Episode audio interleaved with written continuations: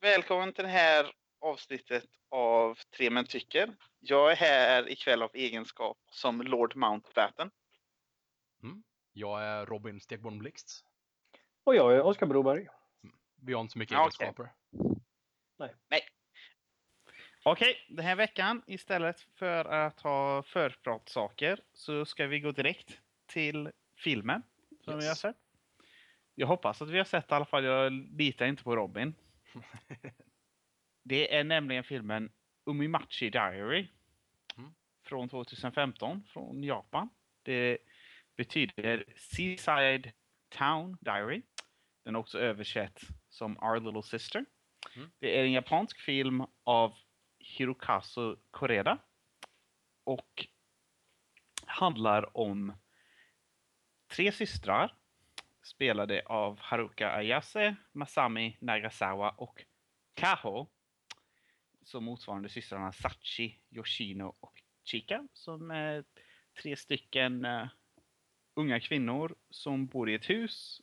Uh, som deras mamma har lämnat dem för att hon har flyttat till Hokkaido. Och deras pappa hade lämnat mamman och gått vidare till andra kvinnor. Och filmen börjar med att pappan har dött.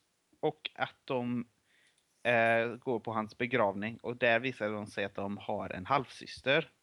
Som de bjuder att bo med dem. Och sen Mm. så följer man några sekvenser ur deras liv. I ett år framåt eller något ungefär. Yes. Mm. Och det är vad som händer i filmen. Lillasystern spelas ju av eh, Suzu Hiro Hirose. Så är det. Samma namn som i filmen. Det är värsta Ja, just det. Just det. Jösses, det, är- kan det, det kan knappast vara ett sammanträffande. Nej, knappast. Det är ödet som dalar. Det var nog så castingen gick till. De sa, det kommer någon som heter rätt namn. Och då, ja, det är Ja. lika bra att ta dig. Ja. Nej, det är så det går här i världen. Ja. Okej, men eh, då går vi runt bordet Mm. och hör vad Oskar har att säga. Jag tyckte den var bra. Eh, jag tyckte det var en väldigt mysig film. Och jag tyckte väldigt mycket om den. Jättecharmig.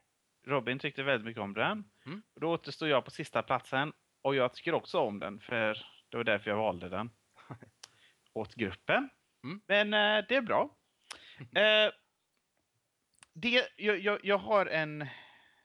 När jag såg den här filmen, det som slog mig direkt är att ofta när man ser film, eller det som i populärkultur, japanskhet brukar komma ner till två saker. Och det är antingen det som äldre japansk samurajkultur Mm. med slott och samurajer och harikiri och sånt. Eller så är det den moderna otaku-kulturen. Med sin Naruto och sin fetischmanga. Ja, och- just det. det alla- Mytologiska. Ja, ja bo- båda. Men, men på något sätt det är som den japanska nördkulturen. Och det, det är de två sidor av japansk kultur som har gjort starkast intryck på västvärlden. Mm. Det är tillsammans med deras elektronikindustri. Ehm, men vad ingen av dem riktigt fångar är japanskhet. Det som att va, vara, att, att vara japansk dag till dag liksom. Och det jag känner är så speciellt med Our Little Sister är att den och jag tror att den gör det på ett något idealiserat sätt, men vi kan komma in på det lite mer senare. Att den verkligen fångar något oerhört japanskt, liksom. Det unika med Japan. ehm, på ett oerhört vackert sätt. Och, och det är en av anledningarna till att jag uppskattar den här filmen så väldigt mycket. Mm. Ja, nej, jag tycker likadant där. Den framställde det på ett väldigt liksom, inbjudande sätt som gjorde att man blev intresserad och det var en liksom, bra bakgrund för det. Mm. Jag Mm. brukar kunna ha svårt för det ibland. Ja. Fast det handlar ju mer om eh, en viss stil som inte finns här. Om eh, Kurosawa och liknande. Hur tänker du? Eh, Menar du japansk film nu? Ja, alltså, nu- alltså både och egentligen. Så här med den sortens narrativ för ja, japansk film. För den här är väl japansk producerad. Ja, det är den. Och eh, ja, Men jag tror, det, det som Kurosawa, det, det är ju i... För det första så, han eh, utgår ju mycket från eh, det som Shakespeare och sånt i många av hans filmer, men sen är det också... Det, det, det är ju självmedvetet episkt, kan man säga. Så det handlar ju, hans filmer handlar ju inte riktigt om japanskhet. Nej, al- alltså det är inte det jag pratar om, utan mer hur det berättas. Som inte Okej. finns här. Mm. Men mm, det var bara en liten passus. Mm. Men, Ja, men det kändes som, alltså, jag håller med dig, alltså, det kändes som en slice of life på något sätt av, av Japan och, och det gjorde filmen jätteintressant tycker jag. Så. Mm. Eh, för eller, så här, det var ju en väldigt liten film. Eh, alltså vad man ska se till eh, vad som händer. Det var inget, verkligen så långt ifrån bombastisk utan jag skrev ner här, jag tyckte den var, med, den, den var meditativ. Mm. Det var en väldigt meditativ film. Liksom. Jag, jag såg och tittade på den och det var, väl, det var trevligt att bara hänga med. Liksom. Mm. Eh, ja, det var inga så här djupa intriger eller liksom plots eller konspirationer eller så där som, som det annars brukar vara i den här eh, podden. Det blir så ibland. Mm. Nej, och jag tror att det, den filmen påminner mig mest om var just Boyhood faktiskt. Mm. Nu, nu saknar den, tycker jag, det som gör Boyhood ehm, till ett tidlöst mästerverk. Men den har ändå samma känsla för det vackra i vardagslivet liksom. Och hur det, den skapas karaktärer. Den, den, jag tycker att dess karaktärer är ju betydligt mer stiliserade än Boyhoods karaktärer. ja. Ehm, det som karaktärerna kändes, det som på ett de, de kändes riktiga men de kändes filmriktiga liksom. Det som mellan de här uppsättningarna av fyra systrar då så det på något sätt, de var stereotyper men de var djupa stereotyper liksom. Ja. Uh, tredimensionella sådana. Uh, mycket mer så än vad det som var verkligheten är. Ehm, men just det, bara sekvensen av saker som händer i deras liv. Det är som filmen. Det, det, filmen har ju egentligen sina bookends med eh, två stycken begravningar. Men det, som, det, det, ju, det finns ju egentligen ingen plott mellan dem. Utan det händer ju bara saker liksom. Som Oskar sa, slice of life är en bra, bra Mm. beskrivning av vad det är. Och jag tror, det, den här filmen, det det finns, det finns ett element i den som jag tror att jag hade kunnat ogilla, men som ändå funkar för mig, som funkar väldigt bra för mig. Och det är just den här idylliskheten. Och det jag känner att, alltså det som, dess idylliskhet påminner mig till exempel om en film som Amelie. Mm. Vilket jag tror är en väldigt irriterande film om man är fransk liksom. eh, för jag tror att det som gör idylliskheten trevlig här är att det är en främmande kultur liksom. Eh, jag, det som jag hade, tror jag, jag hade nog haft lätt att bli väldigt irriterad åt den här, sån här film om det hade varit i Sverige. Eller USA liksom. Hmm. Ehm, och sen så tror jag också att det andra som gör att den verkligen funkar är att det finns ett, uh, ett bett till karaktärerna. Liksom. Ehm, det som, jag tror att det som, ja, ja, sakerna de gör lite idylliska liksom. Med det här väldigt, väldigt japanska huset. Och det är som, folk bor i sådana hus i Japan. Alla bor inte i sådana hus, men det är som, de är som våra, huset de bor i, det är så här traditionellt japanskt hus. Och det är som våra röda hus med vita knutar liksom. Mm. Det finns fortfarande sådana att bo i, men det är bara några som gör det. Och deras eh, hembränt på plommon och deras cykelutflykter och grejer med fisk och de här lo- lokala restaurangen. Det är som, de är alla saker som japaner gör och jag tror att japaner är mycket mer noga än folk i väst med att ta hand, att ta vara på sådana traditioner och sånt.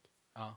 Ehm, men, och jag tror att det är som, sakerna de gör är väldigt idylliska, men karaktärerna och deras dynamik känns inte alls idylliskt, utan det finns ju, det är på något sätt, ehm, det, det, det är riktigt väl skrivna karaktärer och vissa av Mm. dem har betydligt mörkare stigar än andra liksom. Mm.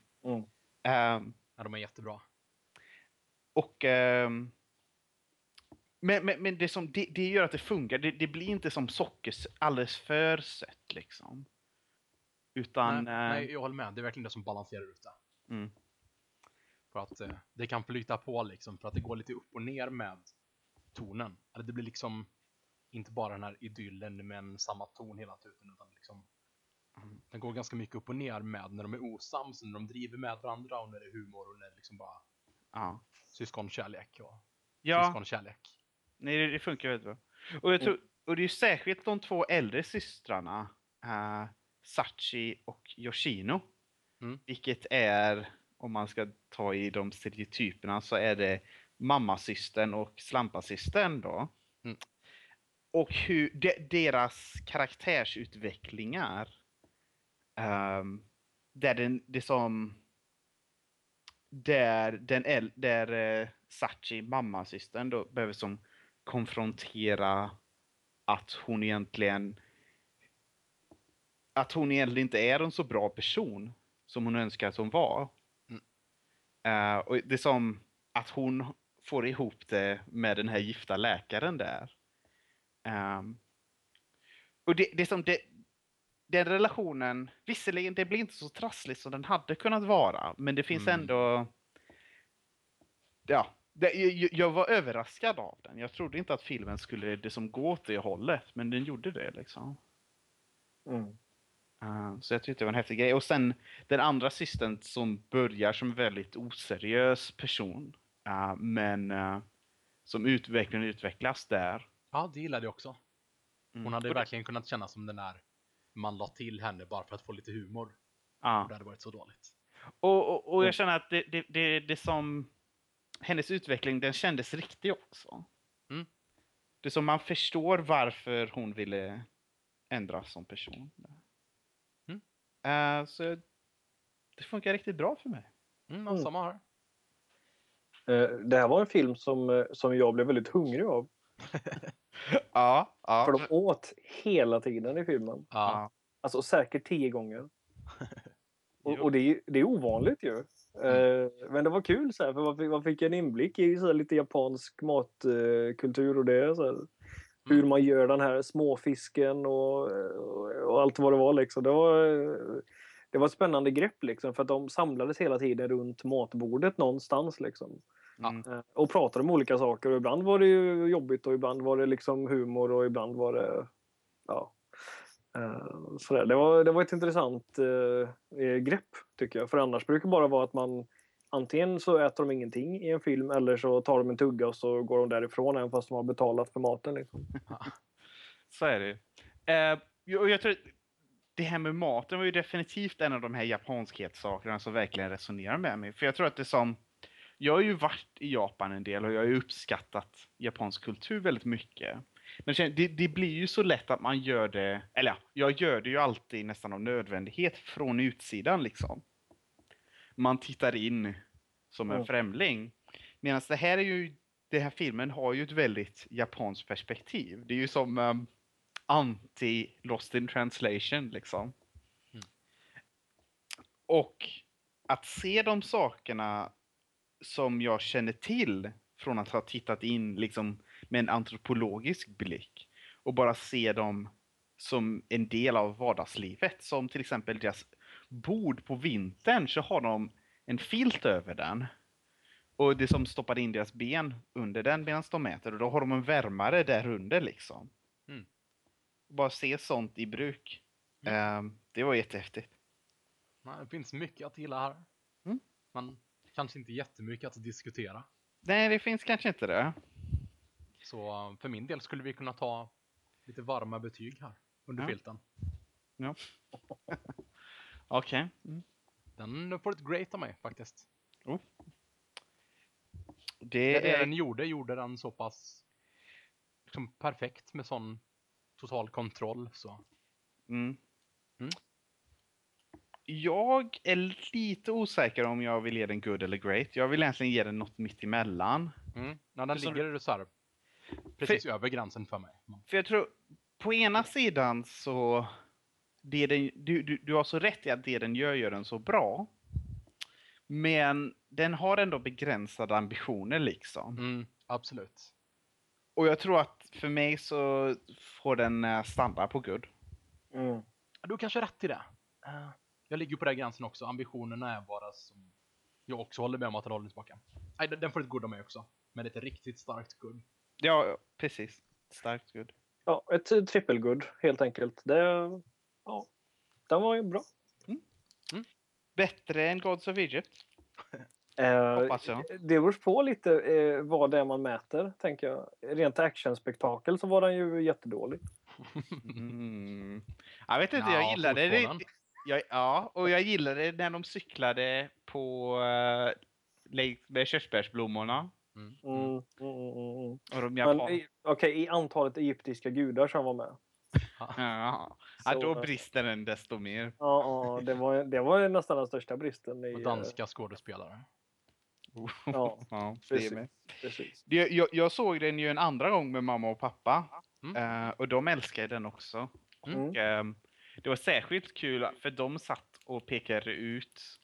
Jag, jag har ju varit i, den här, i Kamakura, vilket är vart de är i Japan. Ja. Har jag ju varit en gång och de har varit där betydligt mer och de kände igen en massa saker och så. Ja. Mm. Kul. Ja, ja. Triple good. Då kör vi på topp tre-listan. Det gör vi. Ja, eh, den här veckans topp tre handlade om våra egna framtidsförutspåelser. Så att eh, vi har eh, silat tebladen, vi har, eh, vi har kanske offrat till, eh, till orden eller eh, till de egyptiska. Ehm, och vi har spanat. Och min första spaning eller förutspåelse, och den här kände jag, den är väldigt uppenbar någonstans. Mm. Men det är att Marvel kommer att bli, det kommer att bli, deras filmer kommer att bli som i princip utställningar eller museer. Dit man bara Mm. går för att, man, man, man tittar på det man vill liksom. Eh, bara, ja, men ska vi inte ha lite Iron Man idag liksom? Och så kanske man kan trycka på några knappar innan man går in i man kanske köper filmen online och så att man, Iron Man gör det här liksom tillsammans med vilka hjältar och så får man välja vad som händer liksom. Och så får man en film ihop. Liksom, så här, med, Vad, vad, går- vad går du på för museum undrar jag? Ja. Nej, men liksom det här att man, man betalar och så väljer man bara för det man, eh, man vill titta på. Liksom. Eh, Ja. Annars, museerna kanske inte var helt... eh, men lite mer så här choose your own adventure Mm. eh, Mm. variant. Liksom, att till slut kommer, för att berättelserna spelar mindre och mindre roll. Liksom, så till slut kommer det bara bli ett... Right. Man tittar på det för att man tycker det, ja, men de här karaktärerna är ju liksom spännande. Och, Mm. Ja, där, där tror jag vi kommer landa eh, inom, eh, inom tio år. Okej. Jag kan... Min andra plats handlar om Marvel-filmer. Jag kan byta plats med den om min tredje plats.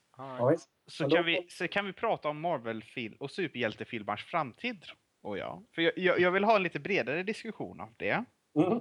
Då bollar jag vidare till dig då. Ja, för jag tror att den här, det på något sätt, superhjältefilmer har ju dominerat blockbusters i stort sett sedan Avengers liksom. Mm. Och jag tror att det kommer inom två år kommer vi se den riktiga, st- första riktiga stora floppen. eh, Av superhjältefilm. Och jag tror att de kommer komma tätare och jag tror att publikintresset kommer inom fyra till fem år ha tappat avsevärt för superhjältefilmer. Mm. Hmm. Alltså det, Det jag, jag tror verkligen att det är något sånt för liksom, mainstream-publiken. Att det blir Ja. mer av en... Liksom, jag tror inte att det kommer bli... Alltså, alltså, jag, jag tänker ju mer på att det har blivit en genre. Och jag tror att det kommer bli mer distinkt så. Att det blir att man betraktar det inte som den här pågående karusellen utan liksom bara en genre som finns där det kommer bra och dåliga filmer. Så, mm. Jag köper nog det. Liksom naturligt att det blir så. Precis som alla Mm. andra. Ja, Du det kommer tror- att stabiliseras tänker jag. De blir mindre mainstream än vad du tänker. Ja. Möjligt. Men jag tror att det kommer bli svårare för dem att fortsätta med samma budgetar. I så fall. Liksom. Mm. Men det, så kan det nog vara. Men jag tror att det är som Sen behöver de nog inte ha så we- stora West- budgetar i och för sig. Westerns är ju en egen genre. Mm. Eh, men det var ju en genre som hade en storhetsperiod och sen avtog det liksom. Mm. Och jag tror att vi kommer snart... Ja, Alltså tidningarna har ju fortsatt som fram till idag. Så. ja men de har fortsatt nischat liksom. Mm. Jag tror att det, det som Marvel-serietidningar är ju inte en del av den bredare kulturella miljön. Nej. På det sättet Marvel-filmer har varit. Så. Mm. Nej men det, det är det jag håller med om. Mm. Nej, men... Mm, Okej. all right. Min eh, tredje plats är att gränsen... Jag- har ordnat mina efter hur liksom stora de är. Hur liksom Okej. stora skillnader det kommer bli. Mm. Och min tredje plats är att gränsen mellan film och tv kommer suddas ut till den nivån när det liksom inte är uppdelat på det sättet. Det är bara liksom bara det visas. Tror du verkligen det? Ja, serieavsnitt börjar visas på biografer och kanske finns specifika Netflix-biografer och sådär. Och liksom att Jag eh, får för mig att... fi- filmer och serier liksom hör till samma liksom franchise. Att, mer än vad som gjorts med delade universum. Liksom att så här, det är en serie och så istället för nästa avsnitt så kommer det en film. Och så liksom på det sättet. Hmm. Kanske liksom mellan två säsonger. Jag har väldigt svårt att se det. Jag känner att tv är i en så oerhört stark position nu att de behöver inte biografer. Liksom. Nej, alltså det är det jag menar att det är mer att tv tar över ännu mer. Mm. Mm. För att Ja, de är en det, stark kan man position. ju, det kan man ju se. Alltså Netflix, de, den här Beasts of No Nation till exempel, eh, som de eh, köpte här om året. Eh, den gick ju på bio på, i några biografer i alla fall. Ja. Dessutom har väl typ både Doctor Who och Game of Thrones och kanske något Sherlock-avsnitt också visats på begränsade Mm. Okej. Ja, så är det säkert. biografer tror jag. Det är väl i USA och England framförallt som det har varit. Ja. Jag känner faktiskt inte... Jag känner faktiskt mindre intresse i tv nu än vad jag gjorde för fem sex år sedan. All right. Mm. Eller som på gymnasiet tror jag att jag följde mer tv-serier faktiskt. Nu, Mm. det som nu så ser, det som jag ser bara på The Americans eh, när det går och jag ser på Fargo när det går. Mm. Eh, och det finns vissa andra saker, det som jag skulle vilja se Breaking Bad till exempel och sånt. Ja. Eh, men jag känner inte särskilt, jag känner inte särskilt stort behov av tv liksom. All right. Eh, jag känner mig faktiskt mindre intresserad av tv så det är bara det allra bästa där känner jag väl säga. Mm. Okej. Men du ser väl på mycket tv däremot, Oskar? Ja, det, det gör jag ganska mycket. Eh, sen så nu är det ju lågsäsong. eh, Det är ju, HBO har ju ett par serier nu och sådär men, men eh, det kommer bli mindre och mindre för det är några serier som jag har följt som liksom slutar snart. Mm. Eh, eller Person of Interest till exempel slutar det nu och så. Men, eh, men det senaste Game of Thrones som kom häromdagen bara eh, var ju otroligt välgjort. Eh, både, Jag, jag har slutat kolla. Samuel också. vi skulle kunna titta på detta avsnittet. För att det var, eh, det var lite Braveheart-känsla. Väldigt eh, fantastiska strider och drakarna flög och allt möjligt. och Så, där. så att det var... Mm. och det, det, hade gjort sig, en, det hade gjort sig väldigt bra på bio. Mm. Mm. Jag man- tror ju att så här, kommer alltid växlas så att när någon serie tar slut eller jag har slutat titta på det så kommer det nya. Mm, Så jag tror jag kommer fortsätta titta på tv i alla fall. Och jag Ja, jag- jag just säkert göra med. Jag tror inte tv kommer försvinna från mitt liv eller så. Det är bara... Mm.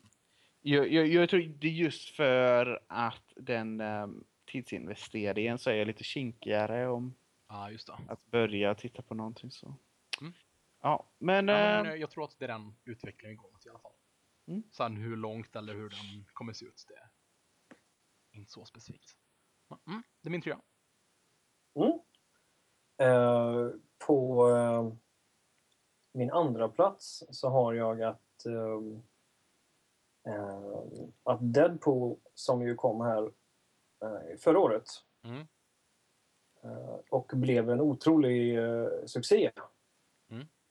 Och det var en våldsam superhjältefilm. Och jag, jag ser här, jag tittar på Box Office, att den, den kostade 58 miljoner dollar att producera.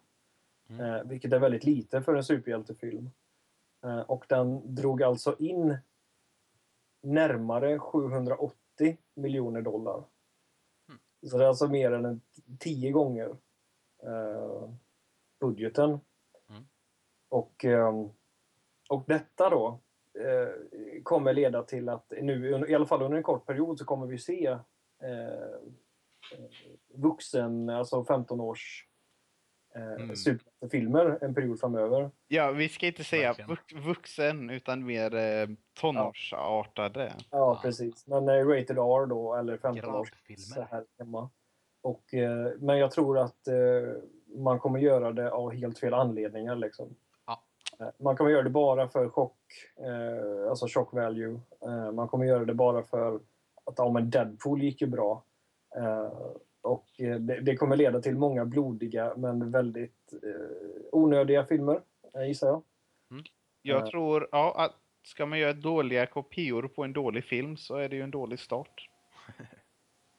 Det kan, jag tyckte ju Deadpool var helt okej. Eh, men jag tror ju inte att det är många andra... Alltså det finns vissa filmer som hade varit väldigt... Eh, Apocalypse nu senast hade ju varit bättre som en... Med en R. Men... Eh, Men jag tror me- mer än våldet så är det, var det nog tonen och eh, sexet som eh, jag kände st- stack ut för mig. Om man jämför med Marvels andra grejer liksom. mm, jo. Verkligen. Men det tror jag vi kommer se nu. Eh, De kommer väl gå in i produktion här säkert snart. Men man kunde ju hoppas att den sista Wolverine-filmen fick en eh, 15-årsgräns. Men vi får väl se vad som händer. All right. Jag tror du har väldigt rätt där. Ja, det har du Och nog både tyvärr. i varför och liksom i din eh, tolkning av resultatet. Mm. Både varför och därför. Ja. Ja. Min, ja, min andra plats, vilket tidigare var min tredje plats men som blivit uppgraderad nu. Mm. Jag tror att det finns en chans. Jag, vet inte, hur- jag är inte hur säker. Men att Star Wars 8 kommer vara i min topp 20 någonsin. Oh, ja. Intressant. Ja. Jag är, jag är optimistisk om det.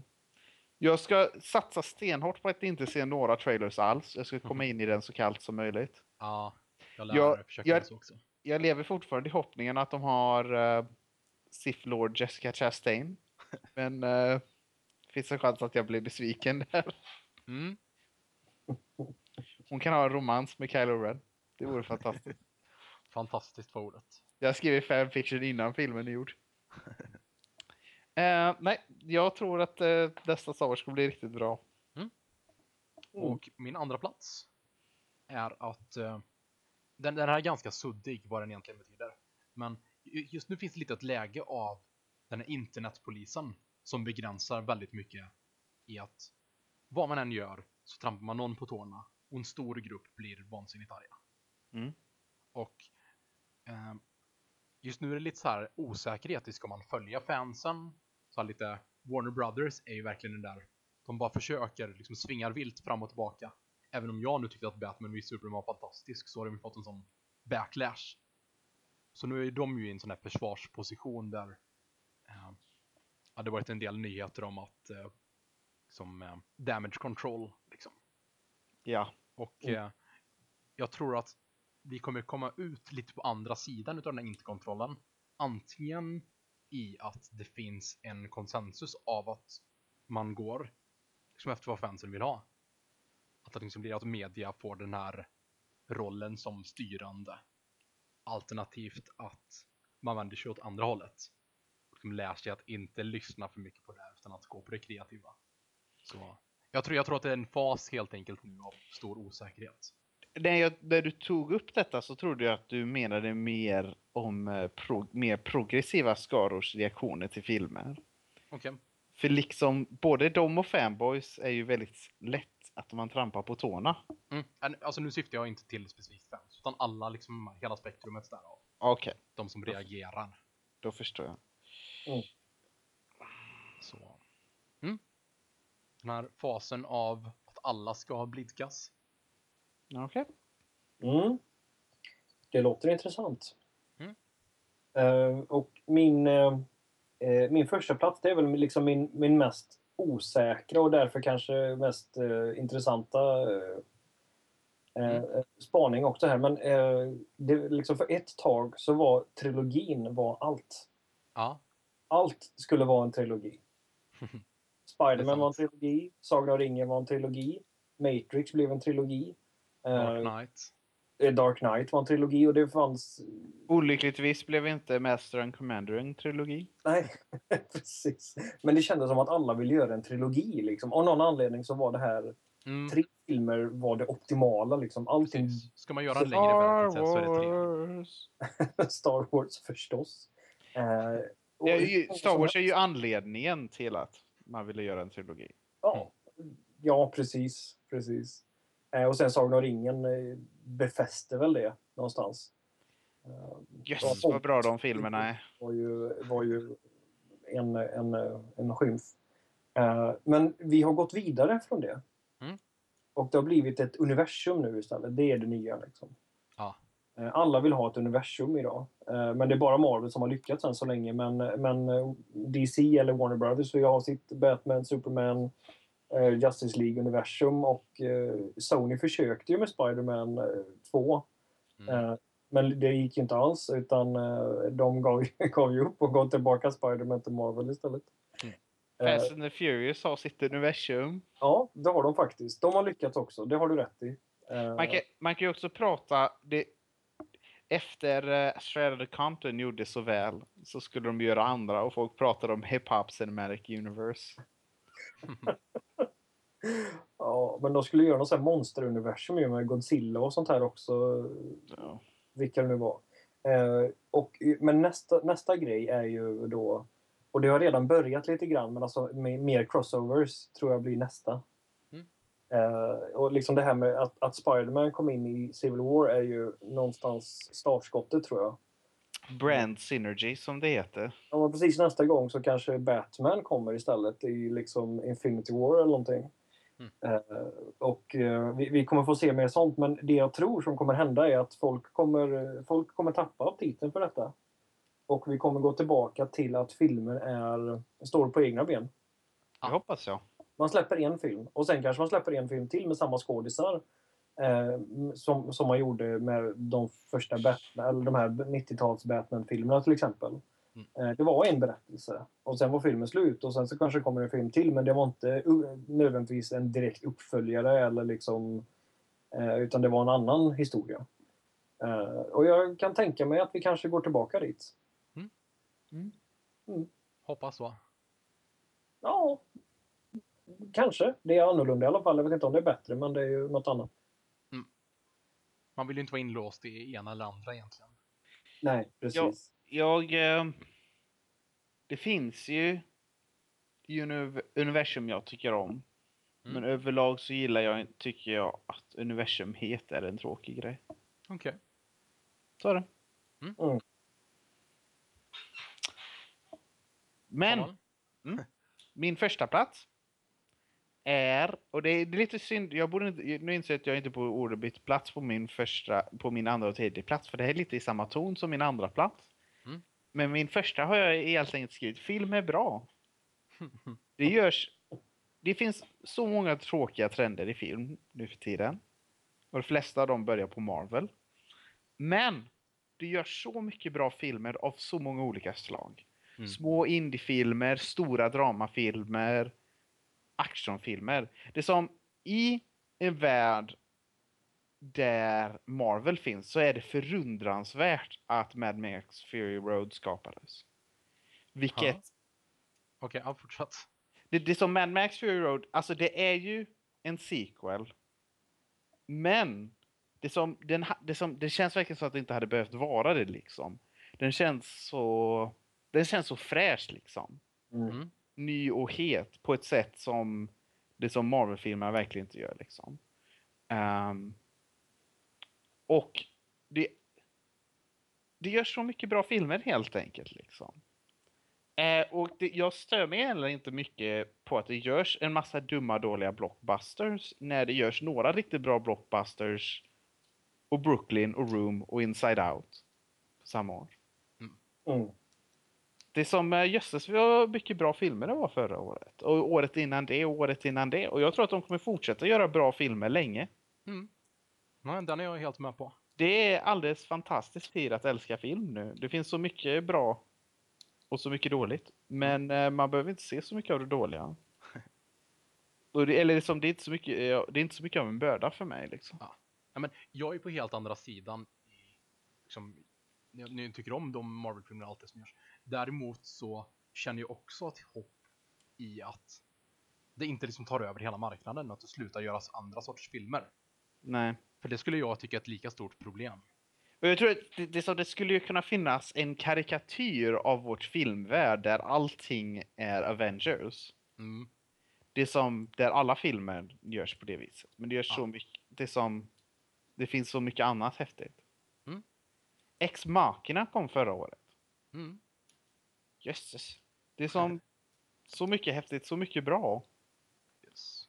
Och det är som, jag, och jag känner att det är som, det är inte att man får en helt överväldigande våg av fantastiska filmer varje år. Men det är som, det finns ändå där. Och Mm. de kommer fram genom året. Och det är inte alltid man ser dem innan året. Så. Nej. Och det är liksom, jag tycker inte att det är någonting som avtagit så mycket egentligen. Nej. Utan det är liksom ungefär samma ström utav bra filmer. Mm. Eh, Så jag tror ändå, jag, jag känner mig glad för filmindustrin. Delar det hoppet. Mm. Här kommer en eh, potentiellt mindre hoppfull första plats i mina förutsägelser. Och ja, det är att eh, virtual reality-filmer kommer bli en stor grej. Och det känner jag både usch och superhäftigt inför samtidigt. Mm, det var på min fjärde plats faktiskt, eh, just med Mm. VR-teknologi i film. Jag tror ju att det kommer bli betydligt större än 3D blivit. Tror ni verkligen det? Ja, jag tror det. Det, I längden det- tror jag också det. ja, det är mer sin egen grej. Det är någonting mer unikt. Men som ändå inte är liksom svårtillgängligt när man väl liksom sätter sig där. Jag tror ändå, jag tror, jag ändå, jag har ju lyssnat, när jag, när jag följer så här spelindustri, jag tror att eh, 3D kommer, eller virtual reality kommer floppa den här gången. Okej. Jag tror, eller ja, det kommer inte totalfloppa, men jag tror att det är alldeles för dyrt för en alldeles för begränsad effekt liksom. Mm. Jag tror inte att, jag tror att det kommer finnas sådana biogra biografer som har sådana grejer där man kom, går dit och så sitter man och har på sig ett par sådana lurar. Så då behöver man inte vara i en biograf. Jag tror att det som det kommer finnas tillgängligt, tillgängligt och det kommer göras gimmickfilmer som är anpassade för det. Ja. Men jag tror inte att några av dem kommer vara bra. Jag tror inte att det kommer vara tillräckligt stor marknad för att göra filmer som anpassade. För att det är som, man vill ju inte se på vanliga filmer på det sättet. Ja, jag kan tänka mig att det kommer bli tillräckligt stort ändå. Mm. Det... Jag förstår dina, din skepsis också, men... Det... Time will tell. Sen vill jag ju inte att det ska bli en grej, men Nej, det är något annat. och jag är som sagt ganska splittrad i frågan. För jag skulle gärna se det mer som en mindre vid sidan om grej. Och det är just om det blir en sån liksom mainstream sak, att det blir en Men tror, i centrum som Tro- jag inte skulle gilla. tror du att folk kommer bara det som har på sig i VR-headset för att se på vanliga filmer? Eller tror du att det kommer göra sådana filmer som Hardcore Henry, som jag inte tror någon av oss har sett, men första person filmer liksom? Uh, alltså det är svårt att säga. Jag tror att det kommer vara ganska stor bredd. Och inte liksom, mycket möjligt att viss interaktion också liksom. Men det, det känns... Men, ehm, jag, jag tycker det, det- känns onödigt liksom om man inte ska göra det i first person. Om du bara, det som är en skärm som du har väldigt nära ansiktet, det så, då kan du bara det som ser det på en fast-. Ja, fast det är att man liksom kan titta runt liksom. Se saker som Aha, inte så. är rakt fram. Varför liksom ska du- man göra det? För att det blir som att befinna sig i scenen. Ja, men jag, vilken dålig idé! För jag Okej. tror så mycket av filmskapandets språk och konst finns ju i, hu, i cinematografi. Mm, absolut. Och att bara det som, nej nu slutar vi det du. Mm. Ja, jag är som är, det, det här är inte någonting som jag förespråkar utan Du blir bara, det är ju bara en dum gimmick liksom. ja, jag tror att det kan bli mer än så, tyvärr. Ja. Ja, ja. Mörk framtid. för det.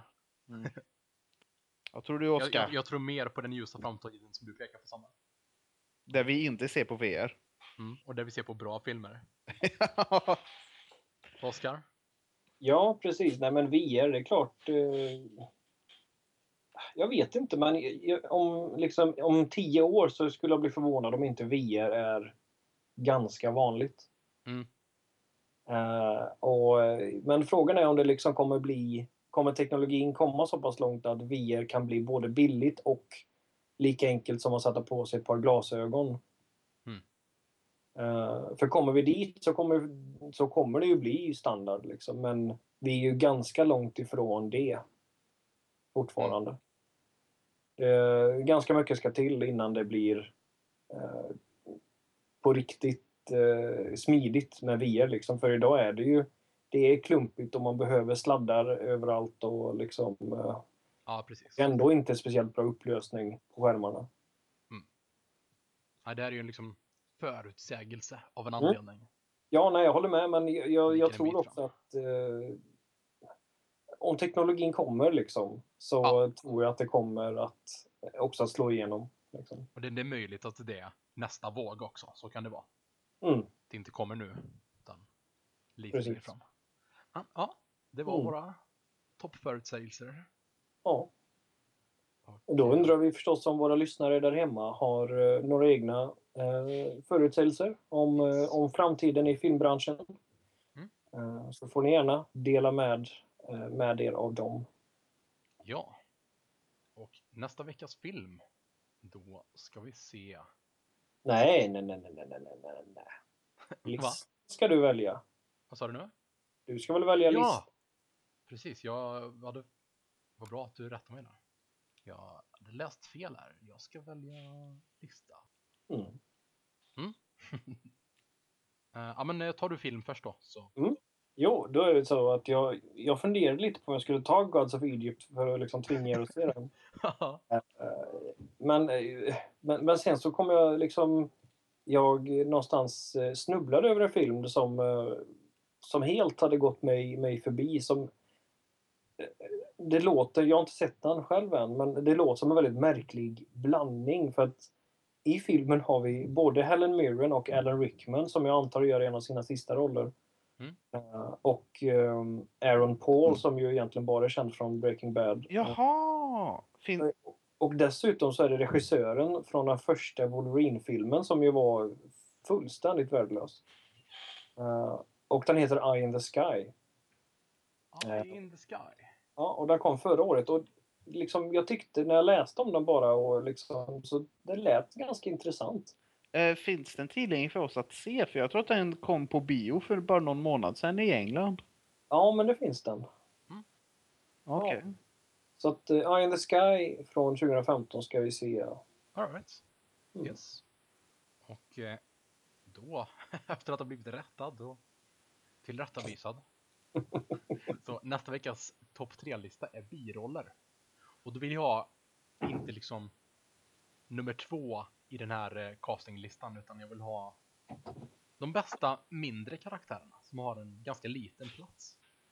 Kan vara någon som man bara möter vid något Mm. tillfälle i en film. Liksom. Ah, jag tror att jag gillar detta.